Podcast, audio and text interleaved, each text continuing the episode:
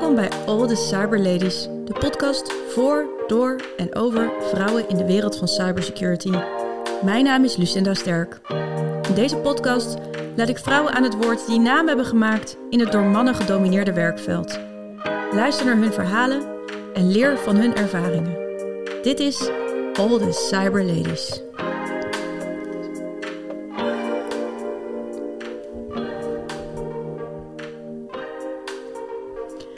Mijn gast van vandaag is Inger van der Bijl. Zij is Director Behavior and Resilience bij cybersecurity bedrijf Noordweef. En ja, dat is echt zo spannend als het, als het klinkt. Inge heeft een praktische en wetenschappelijke achtergrond en heeft voor Defensie in Afghanistan gewerkt. Maar we kennen haar vooral als een onwijs tof mens dat onderzoek heeft gedaan naar de psychologische gevolgen van ransomware aanvallen. Welkom Inge. Wauw, wat een intro, dankjewel. Ja, ik hou ervan. Hey, wat onwijs fijn uh, dat je er bent. het is in sommige plekken van Nederland nog steeds uh, vakantie. Maar jij bent alweer volop aan het werk. Je zit gelijk in mijn podcast, wat ik gewoon onwijs fijn vind. Ik ben nog steeds een beetje verkouden. dat, dat gaat maar niet weg, dus dat houden we erin. Um, ik heb tijdens mijn eigen vakantie een beetje nagedacht over het format van deze podcast. Um, en ik heb wel één ding nieuw, één nieuw ding wat ik wilde introduceren. Uh, en dat is de vraag aan de volgende gast. En daar gaan we gelijk mee beginnen. Oeh. Ja, jij weet nog niet wie dat wordt. Ik weet het zelf ook nog niet. maar dat mag de pret niet drukken. Um, jij stelt een vraag aan de volgende cyberlady. En die leg ik dan weer voor aan haar. En dan mag zij weer een vraag bedenken voor de volgende cyberlady. En dan maken we een soort van uh, kettingreactie, uh, dacht ik zo. Waar dus, shoot ik wel heel nieuwsgierig naar ben. Ik ben vijf jaar geleden een beetje per ongeluk in het veld gerold. Uh, nooit spijt van gehad, overigens. Um, ik ben heel erg benieuwd of de volgende gast, of het een bewuste keuze is geweest om in het cyberdomein te start, starten, om te beginnen. En wat dan de redenatie daarachter is geweest. Oké, okay, mooie vraag. Nou, die gaan we aan haar voorleggen. Leuk. Heel leuk. Um, nou, en een vraag die ik aan veel van mijn gasten stel ook al, is hoe is het om uh, als vrouw in cybersecurity te werken? Ja, heel tof. nee, wat ik net al zei, ik ben vijf jaar geleden de per ongeluk ingerold. Uh, ik had een bepaald beeld van het vakgebied en kunnen zo meteen nog uitgebreid over hebben. Uh, en ik ben aan alle kanten onderuit geschoffeld, op positieve wijze. En ik vind het echt heel tof. Het is een jong domein. Het is nog heel fluïde. En ja, er werken veel mannen, maar gelukkig ook steeds meer vrouwen. En die weten elkaar ook te vinden. en dat maakt het zo tof. Ja, ja, ja, straks wil ik daar wat meer inderdaad over horen. En ik wil zo echt benieuwd, zijn er ook nog nadelen dan als vrouw in cybersecurity? Het is een jong vakgebied. En wat bedoel je daar en precies mee, Inge? Er werken veel mannen. waar je af en toe ook wel eens tegen de beperkingen aanloopt. Nee, wat uh, de nadelen misschien zijn, het is nog niet zo geïnstitutionaliseerd en het is een onwijs multidisciplinair vakgebied. En dat is heel tof. Uh, dat betekent dat er heel veel ruimte is om jezelf te ontwikkelen, maar ook best wel zoekende is. Ik zei net al in ons kleine voorgesprekje, hoeveel rolmodellen zijn er? Uh, waar je aan op kunt trekken, ja, die zijn er niet gigantisch. Ja, en wat ga je dan doen? En vanuit welke disciplines kun je allemaal komen? En wat betekent dat nou? Want ook ik dacht dat ik echt zwaar technisch onderlegd moest zijn om iets van toegevoegde waarde te kunnen leveren. Ja, dat blijkt gelukkig niet het geval te zijn. Ja, ja want jij doet echt heel iets anders hè, nu in cybersecurity. Kan je, kan je daar iets over zeggen? Ja, ja, ik heb zelf een organisatiepsychologie achtergrond en veranderkundige achtergrond. Heb heel veel jaren voor TNO gewerkt, onderzoeksinstituut, in allerlei verschillende rollen. En eigenlijk komt in mijn huidige functie alles samen. Het aansturen van mensen, het bezig zijn met een stuk inhoud, gerelateerd aan die mens en cybersecurity. En dat vind ik echt heel tof. Ja, en waar werk je nu? Je werkt nu bij Noordweef, toch? Ja, ik werk nu bij ja. En dan ben je Director Behavior and Resilience. Wat houdt dat in? Um, ik ben verantwoordelijk voor de unit die alles doet op het gebied van menselijk gedrag en cybersecurity. Dus hoe krijg je nou al die mensen in beweging dat ze de juiste dingen doen en helpen om je organisatie te beschermen tegen uh, dreiging van buitenaf. Ehm, en uh, aan de andere kant, resilience gaat heel erg over het versterken van je weerbaarheid, veerkracht. Als je dan wat gebeurt, uh, met name de veerkracht. Als, er, als je wat gebeurt, hoe kan je nou op zo'n goed mogelijke manier reageren? Dus incident response, crisismanagement en business continuity management. Ja. En dat doen de twee teams. En daarnaast hebben we nog twee onderwerpen waar we uh, vrij recent mee bezig zijn en ook steeds verder aan professionaliseren zijn. Mentale impact van ransomware incidenten. Uh, en aan de andere kant de gesprekken met de threat actors. Threat actor communication. Hoe zorg je er nou voor als je dan toch in gesprek moet met de crimineel, dat je dat op een zo goed mogelijke manier doet? Ja, en dat, dat, dat vind ik heel interessant. Daar wil ik graag meer over horen, inderdaad. Uh, je vertelde ook even over je onderzoek wat je hebt gedaan, ook ja. naar de psychische gevolgen ja. van de ransomware-aanvallen. Hè? Wat kan je daarover vertellen? Nou, wat we zien, Noordwave is een interdisciplinaire organisatie. Dus we hebben business, bites en behavior. Je, je kun je erbij voorstellen dat binnen de Bites Club we ook een computer emergency response team hebben, die veelvuldig onze klanten helpen bij incidenten. En in die uh, acties tijdens incidenten zien we gewoon dat alle aandacht gaat naar de business en naar de financiële implicaties van een dergelijk incident. Um, maar wat we ook zien is dat er gewoon heel veel emoties om de hoek komt kijken. Um, en toen we daarmee bezig waren en zagen wat de impact daar op onze eigen cert was, zeiden van hé, hey, zouden we hier niet verder naar kunnen kijken? Wat betekent dit voor onze eigen cert? Maar ook wat betekent dit voor de klant? En hoe bedoel je dan je eigen cert? Eh, gingen, gingen er mensen, um, hadden die daar psychisch last van een ransomware aanval? Of hoe moet ik me dat voorstellen? De impact die het heeft op het bedrijf, daar hadden ze in sommige gevallen last van. Dus je kan je voorstellen dat er veel emotie om de hoek komt kijken. Mensen zijn verdrietig, boos, bezorgd. Er worden lange werkdagen gedraaid. Ja, soms valt er dan wel eens een onvertogen woord of barst iemand in huilen uit.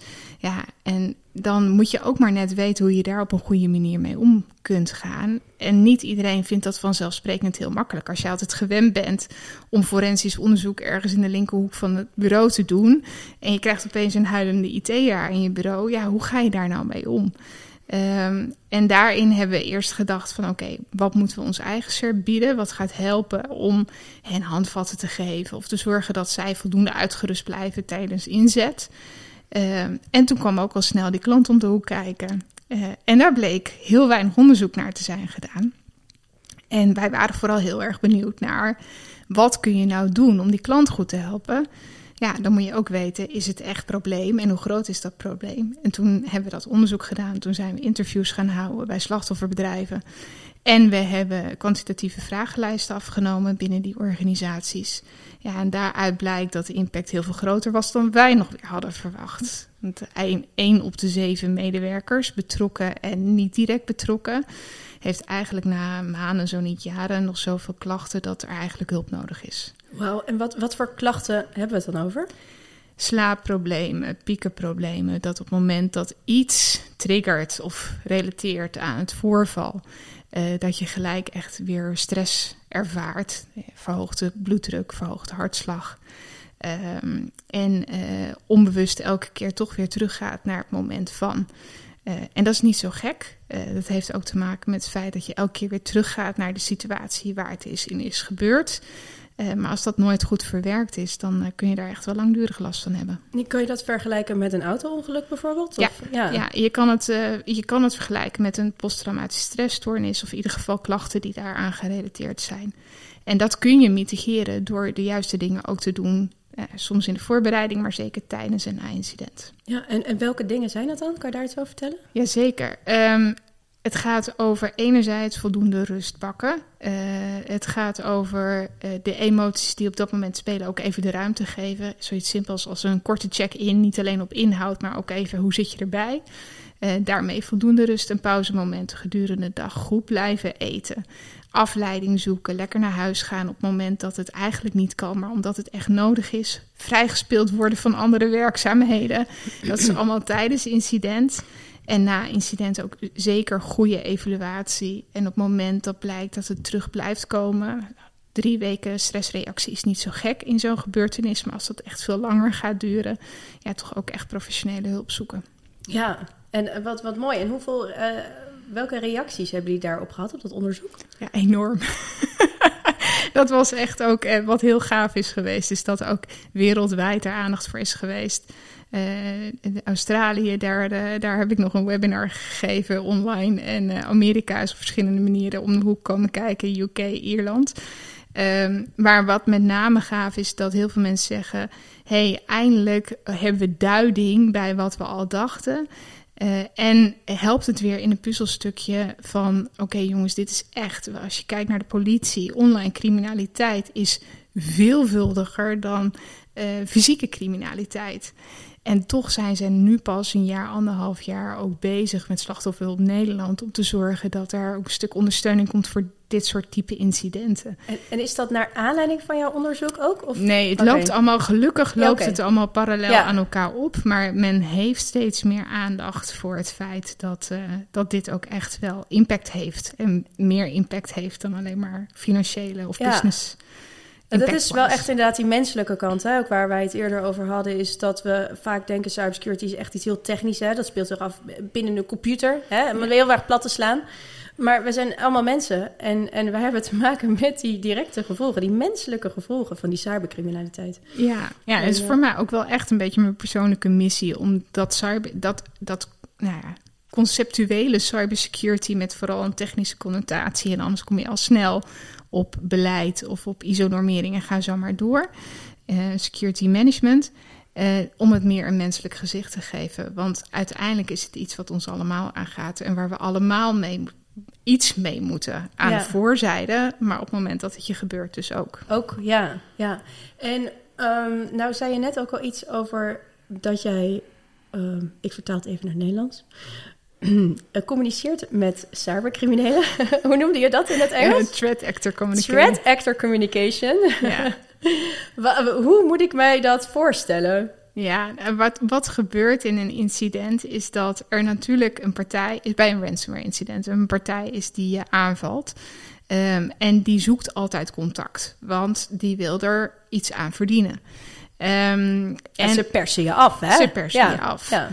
Uh, en uiteindelijk wil je als organisatie zo goed mogelijk een besluit nemen over wat daarin nu wijs is om te doen. Um, en alleen al om zoveel mogelijk informatie te krijgen, adviseren wij klanten altijd om in ieder geval de start te maken met communiceren met dit soort uh, criminelen. Zodat je zo educated mogelijk, zo geschoold mogelijk, slechte, slechte Nederlandse vertaling. um, om zo geschoold mogelijk wel uh, te kijken wat voor jouw organisatie de beste strategie is. Nou, en als je dan die communicatie opstart, dan kun je dat ook maar beter zo goed mogelijk doen. Dus daarin zorgen we ook voor dat we samenwerken met universiteiten die hier veel verstand van hebben. Universiteit van Twente, Ellen Giebels is daar een prachtig voorbeeld van. Uh, maar ook bijvoorbeeld de politieonderhandelaars binnen Nederland. Dat we daar uh, een, een lijn mee hebben om van elkaar te leren en te weten wat daarin verstandig is en wat niet. Ja, en, en wat zeg je dan tegen zo'n cybercrimineel? Daar ben ik altijd heel benieuwd naar. Dan denk ik, ja, er zitten, zitten aan de andere kant van die lijn, zeg maar, zitten dan, uh, ja, wat zijn het, Russen, Chinezen, uh, Iraniërs, je weet het toch niet waar ze vandaan komen? Ja, 70 procent, ruim 70 procent is Russisch, is Russisch gerelateerd. Ja, ja, ja. en ja, wat, wat je zegt, het is gewoon eigenlijk een hele zakelijke onderhandeling. Zij hebben één doel, namelijk geld verdienen. En de klant heeft ook een heel duidelijk doel, die wil zo snel mogelijk terug in business. En dat betekent dat je in ieder geval een beetje beeld moet gaan krijgen van hé, hey, wat is hier nou gebeurd? Wat is er misgegaan? Wat is er al dan niet weg? Uh, is de sleutel wel of niet nodig? Nou, er zijn een aantal checks die je doet en vervolgens ga je ook met elkaar kijken en bepalen en vooral met de organisatie bepalen wat is dan de strategie? Willen we verder in gesprek? Moeten we uiteindelijk komen tot een overeenkomst of niet? En uh, gaan we kijken of we het zo lang mogelijk kunnen rekken. Of, nou, dat zijn allemaal keuzes die, uh, die genomen moeten worden. En er zijn verschillende manieren om dat te doen. Ja, en, en wat is het gekste wat je dan hebt meegemaakt? Wat zo'n cybercrimineel dan zei? Kan je, kan je daar iets uh, over zeggen? Is, zeggen ze dan ook wel eens van nou, Inge, dikke vinger, ik ga niet met jou onderhandelen? Of, ja, er zijn, je ziet ook uh, groei in, uh, in groeperingen. Ze worden steeds professioneler, heb ik altijd Juist. begrepen. Ja, ja, ja, ik heb één groepering gehad, uh, nou goed, anderhalf jaar geleden. Nou, die, daar was gewoon niet mee te onderhandelen. Die wilde gewoon niet in gesprek, gaven geen antwoord, ging alles uit de weg. Ja. en die zie je dat die, want die verdienen dus niks, want je nee, komt nergens. Ja. Uh, die zie je wel dat die stappen hebben gezet uh, en dat die op dit moment een stuk professioneler ook in hun communicatie zitten. Hebben ze dan een marketing-expert gehuurd? of ja, ik vind ja, het... Soms lijkt het er wel op alsof ze inderdaad een cursus Engels hebben gedaan of ChatGPT hebben ontdekt. Maar oh ja, dat die, kan natuurlijk ook. Ja, nee, dat kan zeker. Je ziet daarin wel de communicatieve vaardigheden toenemen. Uh, en daar zullen zij hun hulpbronnen voor gebruiken. Ja, want ik, ik, ik weet helemaal volgens mij uit de begindagen dat er gewoon echt niet onderhandeld kon worden. Als er ook geen chatvenstertje of zo, hè? of geen nee. e-mailadres. Dan nee. was het gewoon, ja, hier uh, maak deze bitcoins over. En uh, dan krijg jij je bestandjes terug. Maar ja. onderhandelen was er niet bij. Dus in, nee. in, die zin evolueert die cybercriminaliteit ook weer. Ja, en daar en, zien we grote diversiteit. De ene keer gaat het via een mail of een crappy chatbox. En de andere keer is het echt een hele formele pagina. Ja, Kun je ook wel eens bellen of niet? N nee, en dat, dat, is, nee, dat is ook maar goed oh. nee, het is fijn om de, de ruimte en tijd na te hebben om na te denken over... Uh, oké, okay, wat zijn de stappen die we gaan zetten, daar de klant goed in mee te nemen. Um, en op het moment dat ze zouden bellen, één, dan daarmee is het natuurlijk makkelijker opsporen voor politie. Ja. Uh, en twee, uh, dat, dat ontneemt die ruimte. En die vind ik wel heel belangrijk. Ja. Is, het, is het strafbaar om te onderhandelen met uh, nee. cybercriminelen? Nee, dat niet? Nee, nee, het is niet strafbaar. Nee. daar is nog wel, daar, daar ligt nog een, grote, een groot gat ook voor wet en regelgeving. op dit moment is er gewoon heel weinig geregeld op dat gebied.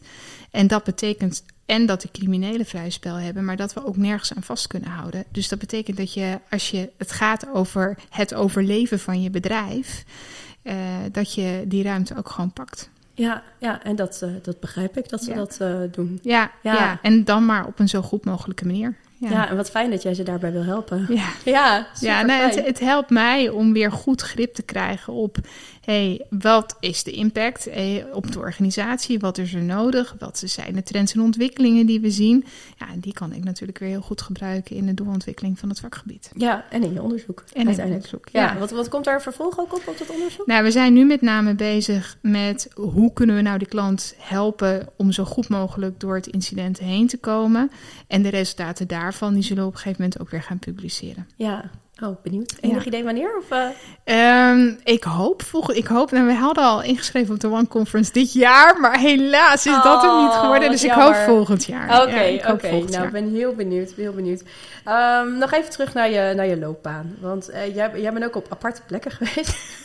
En één daarvan is Afghanistan. Ja. Uh, nou ja, je hebt daar gewerkt voor Defensie. Nou, dat lijkt me aan nogal een mannelijke omgeving. Dat is niet per se slecht, hè? Ik bedoel, voor alle mannen die luisteren, we haten jullie niet, echt niet. Uh, en B, het is en ook niet zo'n fijn land voor vrouwen. Um, maar kan je iets vertellen over wat je daar precies gedaan hebt? Ja, dat kan ik zeker. Um, ik werk, vertelde al dat ik werkte bij TNO. Ik heb heel veel jaar ook bij het specifieke onderdeel TNO Defensie en Veiligheid gewerkt.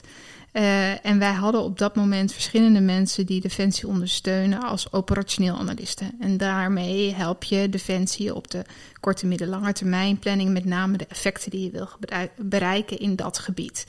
Uh, op het gebied van veiligheid, maar ook op het gebied van uh, ontwikkeling en van politiek en de hele vormgeving van een gezond werkend land.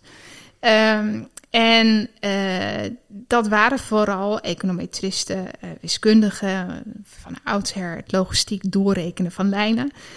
Maar in Afghanistan heb je heel weinig harde data. Dus ze waren op zoek naar mensen met een meer kwalitatieve achtergrond. Ja, dat zijn psychologen. Dus in 2006 alweer, echt heel lang geleden, kreeg ik de vraag van mijn toenmalige manager van... hey, is dat wat voor jou?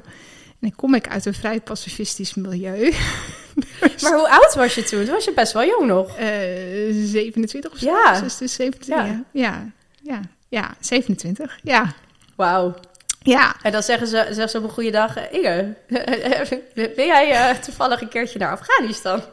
Nou ja, lijkt je dat wat? Lijkt het, het vak van operationeel analist lijkt dat je wat. En ja, dat heeft als implicatie... Nou, en ik was 27, dus nog echt volop op zoek naar avontuur en toffe dingen. En ik vind de combinatie van en uh, echt ervaren, met je poot in de modder staan. Uh, en tegelijkertijd af en toe uitzoomen en van een meer strategisch beeld kijken, dat vind ik super tof. Nou, dat kwam daar natuurlijk enorm samen. Um, en in 2006 ja gezegd en in 2008 uiteindelijk mee geweest. Maar ja, daar gaat een heel traject aan vooraf. Dus je wordt eerst groen geverfd, uh, zodat ik inderdaad als militair. Ik ben heel visueel ingesteld. ik zie dat nu echt voor me dat iemand jou met de kwastgroen gaat verven. Maar wat bedoel je daar precies mee? Ik moest militair worden. Dus ah, uh, eerst opleiding gehad, zodat je de basisprincipe van het militair zijn eigen maakt. En dat betekende inderdaad ook tijgerend door het bos heen en schieten. Wat cool. En, nou, gewoon leren hoe het hele proces daar ook werkt. Je kreeg de basiscursus uh, militaire ja, voorbereiding. ja. En vervolgens ga je, ik was onderdeel van de staf, ga je met zo'n uh, 100, 120 man, met zo'n staf ga je opwerken naar Afghanistan. Dat betekende voor mij dat ik zes maanden tussen Havelte en ik woon op dat moment in Den Haag, tussen Havelte en Den Haag heen en weer ben gaan pendelen. En door de week sliep ik daar en dan het weekend was ik thuis. Um, en uiteindelijk ben ik uh, in 2008 voor vier maanden meegeweest en heb daar die rol vervuld. In inderdaad een vrij masculine omgeving. Um, maar ik had een vrij vrije rol. Ik was adviseur aan de commandant en onderdeel van een van de eenheden binnen de staf, de sectie 5. Um, en ik heb me daar altijd wel heel oké gevoeld. Ja, er zijn ook af en toe wel hele grappige dingen gebeurd. Af, er hing op een gegeven moment een, een, foto van mij en een vrouwelijke collega heeft in een van de, ja, we sliepen in FEPS. In al die FEPS heeft die foto gehangen en de commandant schijnt naar binnen te zijn gelopen en overal die foto van af te hebben getrokken. Maar daar heb ik allemaal niet meegekregen, dus dat was helemaal... Ik had was dat lief bedoeld of was dat... Uh... Het was een foto van mijn gezicht. Ik weet niet. Oké, okay, ja, Niet dat een of andere bikini-foto van Instagram hebben getrokken nee. of zo. Weet je. Ja, dat, is, ja, dat hadden we toen nog nou, niet. Dat had je toen nog niet. Nee, natuurlijk. Dat is een groot voordeel. In 2008 hadden we dat nog allemaal niet. Nee, nee, nee. nee. Ook. Dus het was voor mij echt een perfecte mix tussen uh, avontuur, toegevoegde waarde, het echt in de praktijk kunnen ervaren. Uh, en ja, het was een vrij masculine omgeving, maar daar ben ik best oké okay mee. Dus. Ja, ja, mooi. Um, zou, je, zou je nog een keer teruggaan als school? Ik heb inmiddels drie kinderen. Dat maakt de hele wereld toch echt een klein beetje anders, als ik heel eerlijk ben. Um, als ik dat allemaal niet had, dan zou ik het zeker doen. Ik heb toen, ik ben een paar keer buiten de poort geweest. Dus echt, wat jij zei van ja, die, dat land is niet vrouwvriendelijk. Uh, dat heb ik ja, mondjesmaat slechts ervaren. En ik was militair als militair gekleed. Dus ik heb dat niet uh, één op één zo ervaren. Ik zou het land van wel meer nog van dichtbij willen zien. Want het is echt wel een super bijzonder land. Ja, ja. ja. Um, en, en, en kan je zeggen dat die ervaring je veel heeft gebracht? Ja, die ervaring heeft mij heel veel gebracht. Ja, ja alle positieve kanten en negatieve kanten. Het is een enorme rollercoaster geweest. Uh, maar uiteindelijk heeft het me heel veel rust gegeven. En ook zelfvertrouwen in: oké, ik heb, heb uiteindelijk letterlijk overleefd. Um, en uh, wist daarna ook veel beter wat ik wel wilde en wat ik niet wilde. Ja, um, en, dan, en dan rol je uiteindelijk zo in cybersecurity terecht.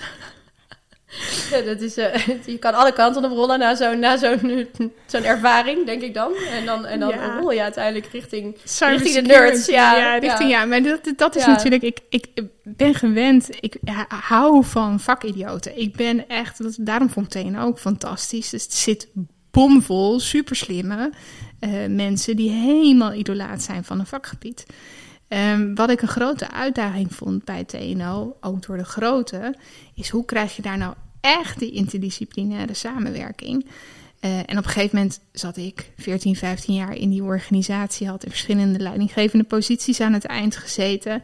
En ik merkte dat uh, de, de rol zoals ik hem aan het einde had, dat me dat niet meer 100% paste. Dus het was tijd om verder te gaan kijken. Maar die behoefte om te werken met professionals, met die mensen die helemaal gek zijn van de inhoud, dat vond ik heel tof. En het leek mij heel gaaf als ik dat kon doen op een plek waar het echt al die verschillende disciplines bij elkaar komen. En toen zei een vriendin van mij, Lisbeth Holteman, die in cybersecurity werkt, die zei: Je moet eens maar gaan praten met Steven Dondorp, met de eigenaar van Noordwave. ja. Toen dacht ik eerst: Jeetje, cybersecurity. Ik vond als leidinggevende al die compliance-regeltjes waar je aan moest voldoen. Ik vond het zo vervelend. Dus dat was mijn beeld van cybersecurity. Of echt vette techniek waar ik helemaal niets van snapte. Um, toen zei ze: Ja, ga nou wel met hem praten. Dus ben gaan koffie drinken. En ja, Steven heeft een filosofie dat hij echt gelooft in die interdisciplinaire samenwerking. En dat dat ook het antwoord is op cybersecurity vraagstukken. En een manier van leiding geven die mij heel erg aansprak en waar ik gelijk van op aanging. Dus het, eigenlijk was het daarna heel snel beklonken. En, Ja. eh, en dacht ik, oké, nou misschien is het wel tof. Ik had ook een hele toffe opdracht. Ga een unit bouwen, iets met mensen, en cybersecurity. Eh, en eh, je hebt de komende jaren om dat eh, verder vorm te geven. Dus zo ben ik begonnen. Ja, En daar zit ze nog steeds. en daar zit ik nog steeds. Ja, inmiddels mooi. niet meer in mijn uppie. En met, eh, Nee. met een groot team onder me. Maar eh, Maar hoeveel mensen zitten er in jouw we team? zitten er nu rond de 25 in mijn team. En we zijn groeiende. Ja. Zo. Ja. En hoeveel vrouwen? Oh jeetje. en nou, dat is zeker de helft. Wat goed. Ja, dat is zeker de helft. Wat fijn. Ja. Oh, wat goed. Oh, Ja. Daar word ik heel blij van. Ehm, Inge, ik, eh, ik sluit eigenlijk elke podcast een beetje af met ehm, tips die wij aan vrouwen geven die ook heel graag in cybersecurity willen werken. Want dat is ook het doel van deze podcast, natuurlijk andere vrouwen inspireren en laten zien hoe gaaf dit vakgebied is, dit domein is en welke kansen het allemaal biedt. Ehm, dus aan jou de vraag, Inge. Welke tips zou jij dames willen geven die in cybersecurity willen werken? Ga in ieder geval kletsen met mensen die erin werken. Want mijn beeld over het vakgebied en domein was echt beperkt. Eh, het is zoveel meer multidisciplinair.